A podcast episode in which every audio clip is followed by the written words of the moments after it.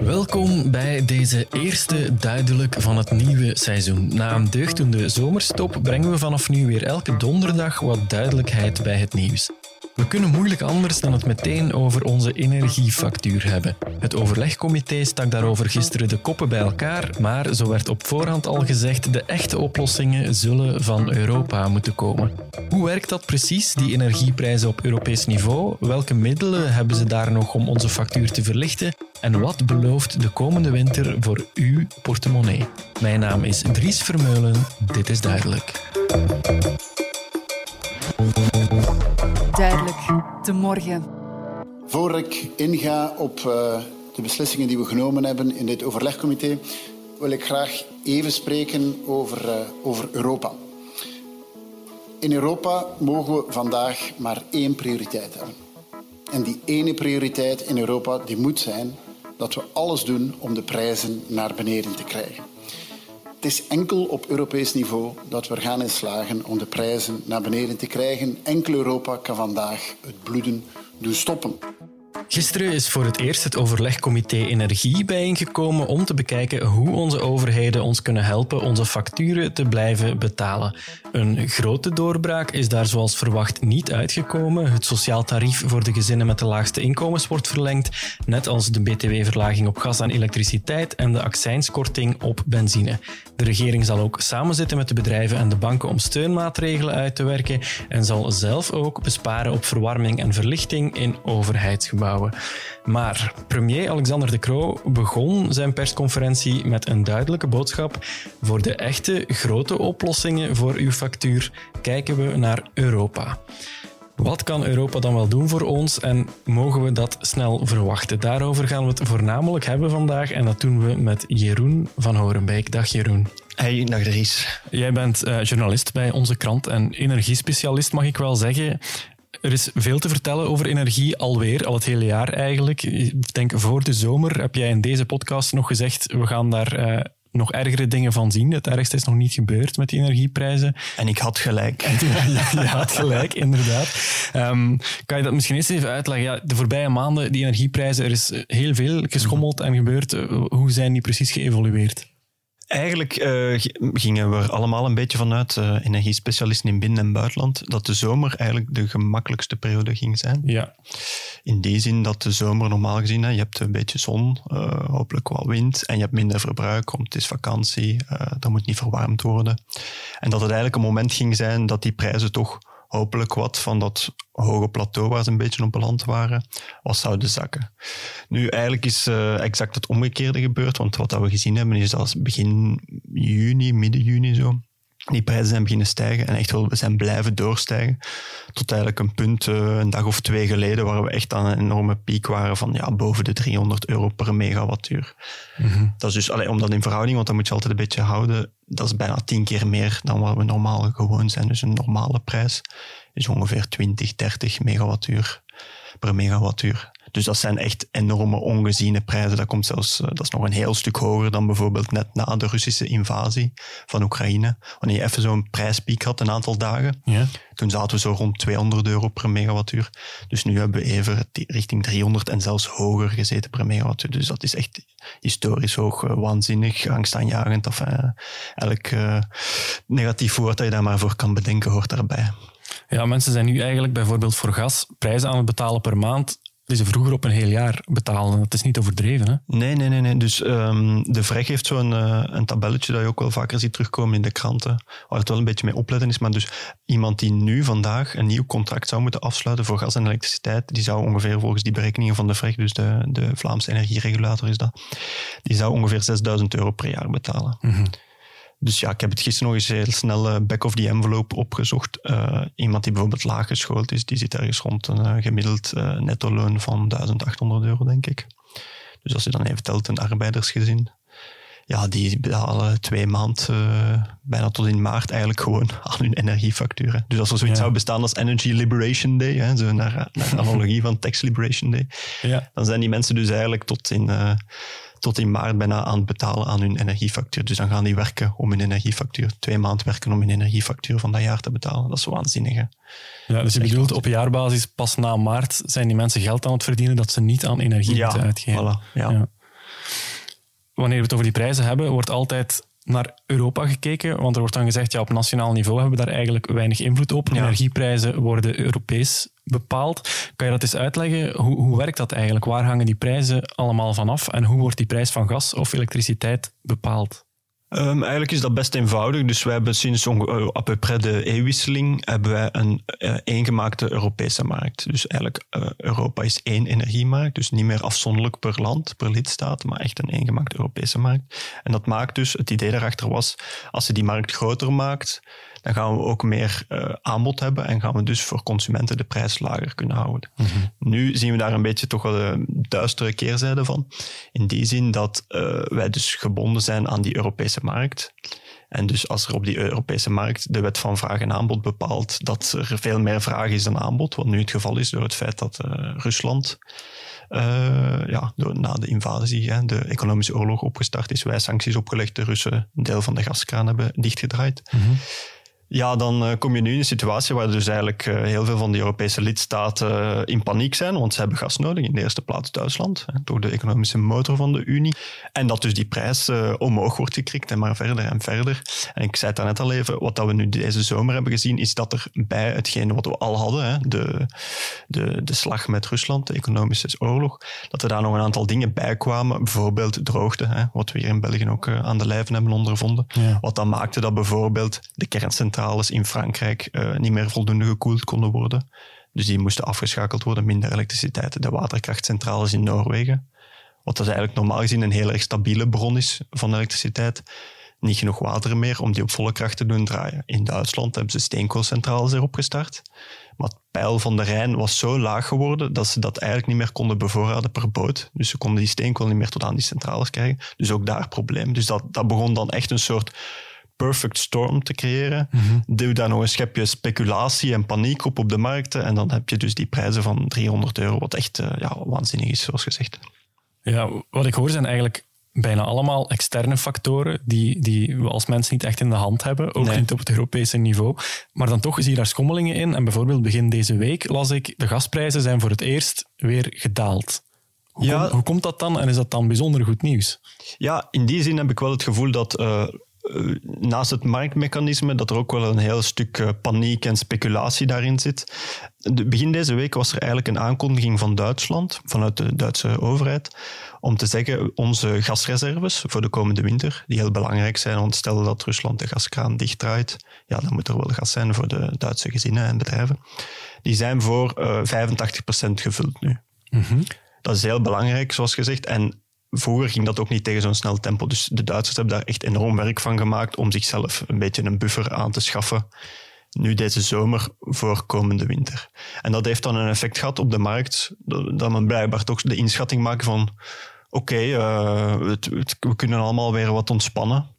Wat een beetje gek is eigenlijk, want eh, iedereen die een beetje belezen is en mee is met de situatie, kan dat heel gemakkelijk op de voet volgen hoe dat zit met die reserves. Dus eigenlijk wisten we dat wel, maar dan is dat toch wachten op die aankondiging van de, van de Duitse overheid, vooraleer die ergste piek eh, een beetje afgaat. Dus eh, we hebben nu weer zo'n heel erg hoge piek gehad en nu zijn we terug een beetje in dalende lijn. Hopelijk houdt dat nog een tijdje aan.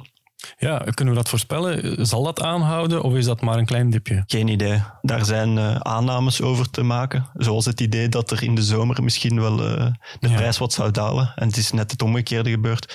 Dus heel erg moeilijk te voorspellen. Wat je kan zeggen nu, eh, is dat ja, we gaan naar de winter toe. Dus het verwarmingsseizoen komt er terug aan. Mensen gaan terug gas moeten gebruiken om hun huizen te verwarmen, om hun gebouwen te verwarmen. In Europa begint dat zo rond 1 oktober toch al. Dus dat is eh, niet zo ver meer.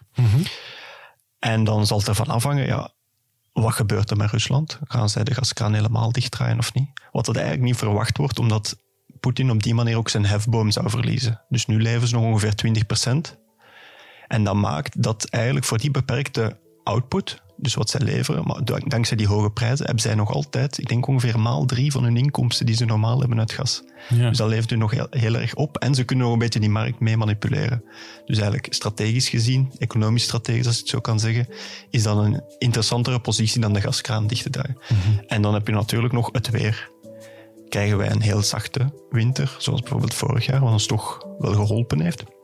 Of krijgen we echt een soort koude golf? Uh, dat, zal, dat kan een enorm verschil maken natuurlijk naar gelang van gasverbruik en dus ook van prijzen.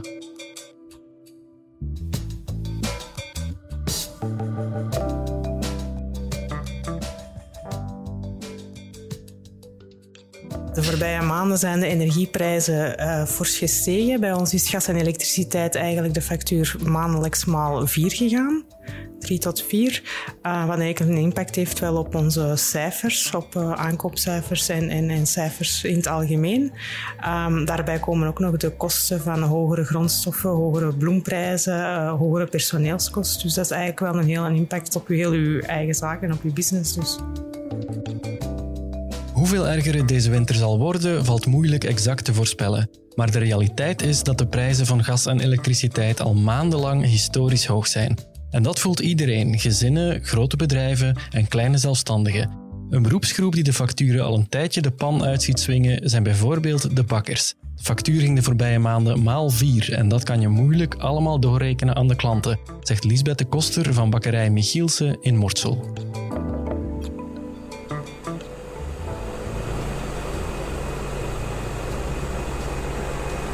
Dat verbruikt heel veel gas en elektriciteit. Uh, je moet maar denken, die ovens draaien eigenlijk een hele nacht.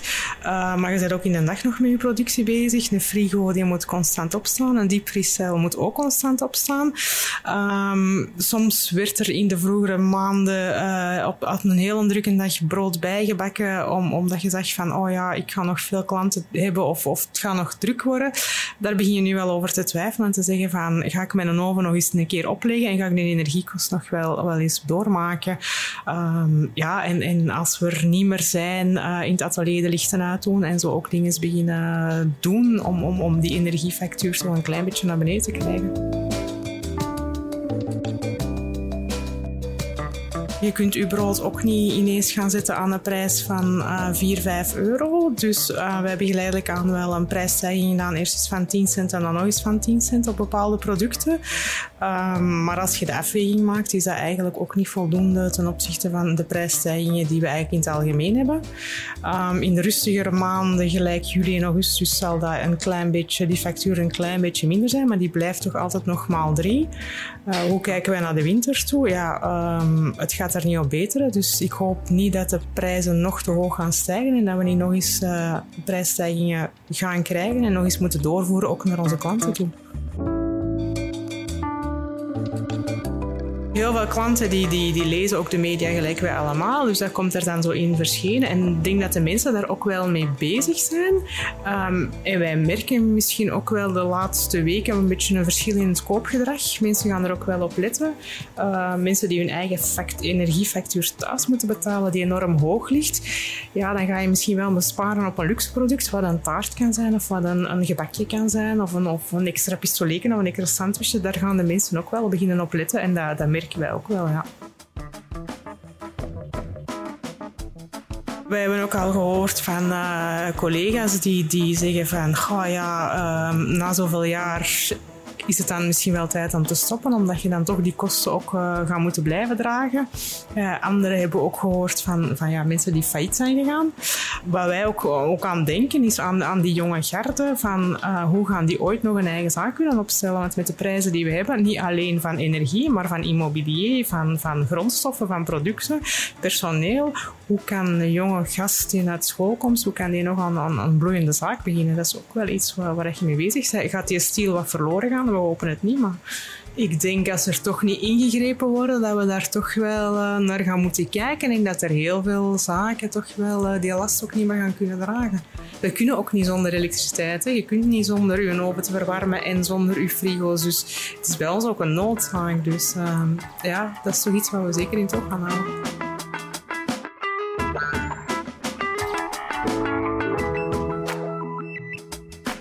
Jeroen van Horenbeek, heel wat mensen zitten met de handen in het haar, komen stilaan wel echt in financiële problemen.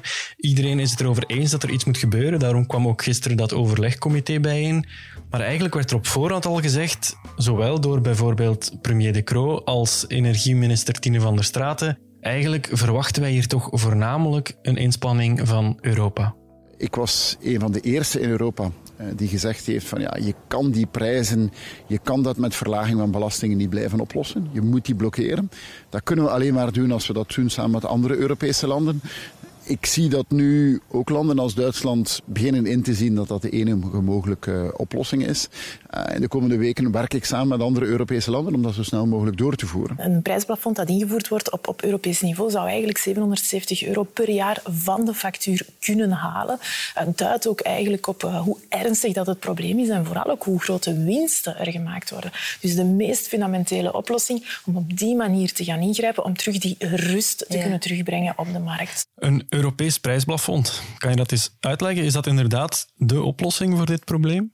Um, dat is iets waar al maanden over gesproken wordt. Dus eigenlijk al meteen na de Russische invasie en de, het begin van die stijging van die gasprijs waren er al voorstellen, vooral in België dan, onder andere, om zo'n soort, maar ook wel Zuiderse lidstaten, om zo'n soort prijsplafond in te voeren, om toch die markt daar een rem op te houden. Dat lijkt nu in een stroomversnelling te komen, ook omdat die prijzen zo uit de pan uh, swingden de laatste weken. Of dat echt zover komt, dat is één nog maar de vraag. En twee, of dat dan ook een oplossing kan bieden. Ook daar zijn toch wel wat vraagtekens bij. Um, het belangrijkste is eigenlijk dat, stel dat Europa zijn prijzen plafonneert, ja, we zitten in een wereldmarkt voor gas. En omdat wij niet meer, geen Russisch gas meer krijgen, of weinig, via die pijpleidingen, moeten we eigenlijk heel veel van dat gas dat we normaal gezien van, vanuit Rusland krijgen, gaan vervangen met zogenaamd vloeibaar gas, LNG. Dat komt dan uit Qatar, dat komt uit de Verenigde Staten. Uh, denk ook een beetje zelfs uit Australië. Dus dat reist de hele wereld rond. En dus dat is een wereldmarkt waar ook nog andere continenten wel in geïnteresseerd zijn. Bijvoorbeeld in Azië uh, zijn heel veel landen daarin geïnteresseerd en uh, bijvoorbeeld China kampt nu met een hele grote droogte, waardoor ook daar problemen zijn met waterkrachtcentrales. Dus de vraag is ook daar maar van, gaat China zich ook op die markt storten of niet? Mhm.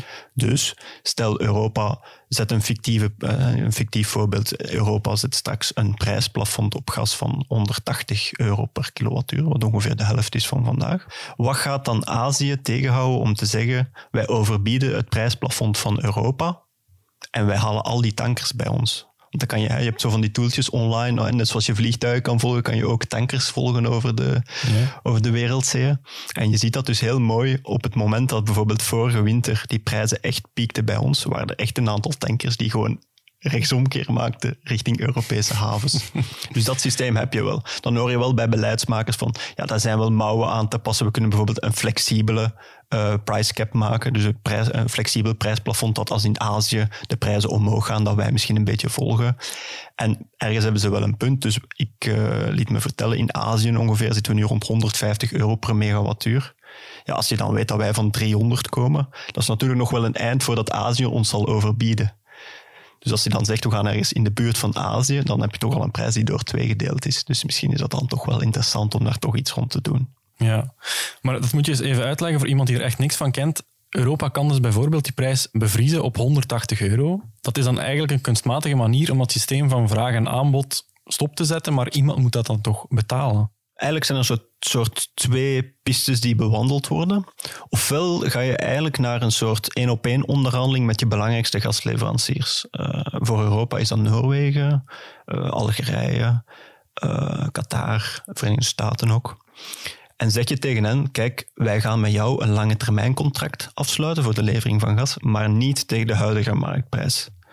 Wel tegen prijs X, die een stuk lager ligt. Mm en dan kan je dat op die manier eigenlijk een beetje remediëren. Het, type voorbeeld daarvan is, zijn de Noren, die ons gas leveren nu massaal, hè, waar we heel erg dankbaar voor zijn dat zij dat leveren, maar die daar ook wel echt stinkend rijk van worden ondertussen. Ja. Zij, hun, zij hebben geen meerkosten, maar die marktprijs is ontploft. Dus zij, zij in een massaal geld hè, voor een land van ongeveer 4 miljoen inwoners ja, als je een beetje stout uitdrukt, eh, die 4,5 miljoen uh, Noren, die al, die al uh, best uh, welvarend waren voor deze crisis, die zijn zich nu enorm aan het verrijken op kap van die, wat is het, 450 miljoen Europeanen. Mm -hmm. Dus om maar te zeggen, dus dat is één piste. En daar zit je eigenlijk niet echt met de consument die daar, een, uh, die daar echt direct tussen zit, die daar een meerkost of zo aan zou betalen. Een andere piste is dat je echt wel op de marktwerking gaat ingrijpen. En dan wordt het wel een beetje technisch, dus dan zou je eigenlijk een soort uh, cap plaatsen op uh, de gas die gebruikt wordt voor gascentrales. Dus het voordeel is dat dan consumenten minder betalen. Het nadeel is dan wel dat je natuurlijk die energiebedrijven, die moeten elektriciteit produceren aan een gecapte prijs, dus mhm. eigenlijk onder de marktprijs, dat je daar wel geld aan moet toestoppen. En ja, geld toestoppen als overheid op het einde van de rit, langs links of langs rechts, komt dat bij u en, en ik uit natuurlijk. Ja. Maar in, in, uh, in Spanje hebben ze toch wel berekend, dat is ook het cijfer dat altijd uh, het in van de Staten aanhaalt, dat, dat men daar toch een aantal honderden euro's netto aan zou winnen. Ja, Tine van der Straten had het over 770 euro op jaarbasis per gezin. Gemiddeld zal dat uh, besparen op onze energiefactuur. Ja. Is dat een realistisch cijfer? Dat is moeilijk om in te schatten, omdat uh, Spanje wel een andere situatie is dan uh, België, eh, of als Europa als geheel. Dus Spanje is een beetje in die zin, het is een schiereiland, maar energetisch gezien is het een beetje een eiland. Dus die zitten een beetje op zichzelf. Dus een beetje een eigenaardige markt. Enfin, geen eigenaardige, maar die is een beetje op zichzelf. Uh, dus dat is heel moeilijk om dat door te trekken. Het geeft natuurlijk wel een indicatie. En zoals gezegd, ja, aan winnen zullen we er wel normaal gezien aan doen, denk mhm. ik. Als je nu zit met, met pieken tot 300 euro, ja, als je dat kan halveren, ja, dan, dan zegt de logica dat je daar als consument wel aan kan winnen. Ja, ja. ja het is uh, blijkbaar onder andere België dat daar bij Europa wel veel druk op zet om dat prijsplafond effectief te installeren. Maakt dat enige indruk als een Alexander de Croo of een Tine van der Straten druk zet op Europa? Uh, laat ons realistisch zijn over ons soortelijk gewicht. Ja. dus wij zijn geen Duitsland, wij zijn geen uh, Frankrijk, hè, toch de grootmachten op het uh, Europese continent. Wat natuurlijk wel in ons voordeel speelt, is België is een doorvoerplaats van gas. Sowieso ook de thuis van de Europese instellingen. Dus misschien dat we wel wat boven ons soortelijk gewicht kampen. Mm uh, er zijn ook wel contacten geweest tussen de Croo en onder andere Van der Straten met het eh, kabinet van uh, Ursula von der Leyen, dus de Europese Commissievoorzitter, die dat een beetje in handen zou moeten nemen als dat er ooit toe komt. Ja. Dus daar is wel wat. Uh, of dat nu echt een beslissende stem is. De Belgen zeggen er komt een plafond, dus er zal een plafond komen. Ja, mm, dat weet ik ook niet. Daar is het vooral toch kijken naar uh, in de eerste plaats Duitsland. Mm Zij hebben dat, zich daar altijd een beetje tegen verzet. Uh, ja, de idee van die geliberaliseerde energiemarkt loslaten hè, en daar echt beginnen politiek op in te grijpen, dat ligt toch in een aantal lidstaten nog altijd moeilijk. Maar je voelt nu toch, ja, oké, opnieuw, die, die prijzen zijn zo hoog dat men Europees ook wel aanvoelt van, kijk, eh, nu niet ingrijpen, dan gaan we echt een hele lastige winter tegemoet. Mm Er werd bij onze regering ook al naar gehint, als Europa het niet doet, die prijzen plafonneren, dan kan België het op nationaal niveau wel doen. Uh, daar circuleren een aantal ideeën rond. Een van de ideeën is bijvoorbeeld om te gaan werken met een soort uh, gereguleerd tarief voor een, een basis eh, eenheid, zal ik zeggen, hoeveelheid van energie. Eh, ik denk dat je misschien een beetje kan vergelijken met water, waar je ook een soort basispakket krijgt hè, tegen een bepaalde kost die lager ligt dan als je één keer boven een bepaald verbruik gaat. Dan, bepaal, dan betaal je een soort meer een, een luxe tarief. Hè. Mm -hmm. is misschien een beetje daarmee te vergelijken. Dus dat je een gereguleerd tarief krijgt. Ik denk wel dat iedereen over eens is dat het beter zou zijn mocht dit Europees geregeld worden. Ja.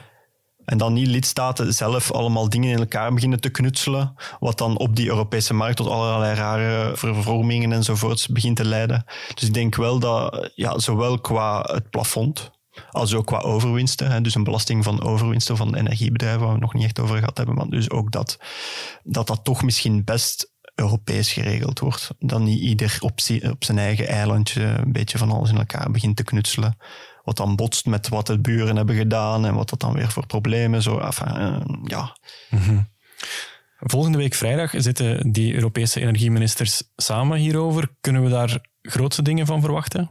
Ja, het, het, het Europees beslissingsproces is, is zo dat, er, uh, dat je van één top zelden of nooit echt een definitieve beslissing te pakken hebt. Ja. Maar misschien kan het wel een opstap zijn om dan naar echt een Europese top met de staatshoofden en de regeringsleiders te gaan, waar het dan echt wel een finale knoop kan doorgehakt worden. Mhm. Heel veel weken kunnen daar nu ook niet meer overheen gaan. Hè. Het is wel tijd dat, er, allez, dat men nu begint in te grijpen. Hè. Ja. Dus mogen we dan een beetje optimistisch zijn en zeggen dat, dat het ergste nog niet achter de rug is, maar toch ook niet meer zo heel ver in de toekomst ligt. Laat ons hopen. Het is heel moeilijk in te schatten wat er nog op ons afkomt die komende maanden. Ik denk, het enige wat je kan zeggen is dat het wel best moeilijk zal zijn. Misschien niet de, de horrorscenario's, laat ons daar niet van uitgaan. Laat ons hopen dat er toch wel genoeg politieke wil kan gevonden worden om in te grijpen op toch wel iets wat toch moeilijk anders kan omschrijven dan een soort dolgedraaide markt. Wat uh, premier De Croo deze week trouwens ook zei. Dus mm -hmm. een liberaal die eigenlijk zei van ja, uh, die markt is hier uh, dolgedraaid. Toen we denken aan de bankencrisis, waar de ene bank naar de andere eigenlijk begon te vallen door speculatie, door paniek. Hebben wij ingegrepen om dat te stoppen. Nu moeten we hetzelfde doen. Ja, ik denk dat inderdaad dat men dat nu moet doen. En hopelijk kunnen we dan toch prijzen zoals boven 300 euro per megawattuur, wat echt hallucinant is opnieuw. Ja, kunnen we dat toch vermijden en dat toch enigszins behapbaar blijft voor gezinnen en voor bedrijven. Anders gaan we wel een heel donkere winter tegemoet. Ja, laten we het hopen. Jeroen van Horenbeek, journalist bij De Morgen, dank je wel. Met plezier. Ik bedank ook Lisbeth de Koster van Bakkerij Michielsen in Mortsel. En u, beste luisteraar, bedank ik ook weer om erbij te zijn. We zijn bij deze opnieuw vertrokken voor onze wekelijkse afspraak op donderdag. Als u geen enkele aflevering wil missen, kunt u deze podcast volgen via Spotify of Apple Podcasts. Of gewoon de app van de morgen goed in de gaten houden. Feedback is altijd welkom via het e-mailadres podcasts.demorgen.be. En dan wens ik u nog een heel fijne dag. Dit was duidelijk. Tot volgende week. Duidelijk, de morgen.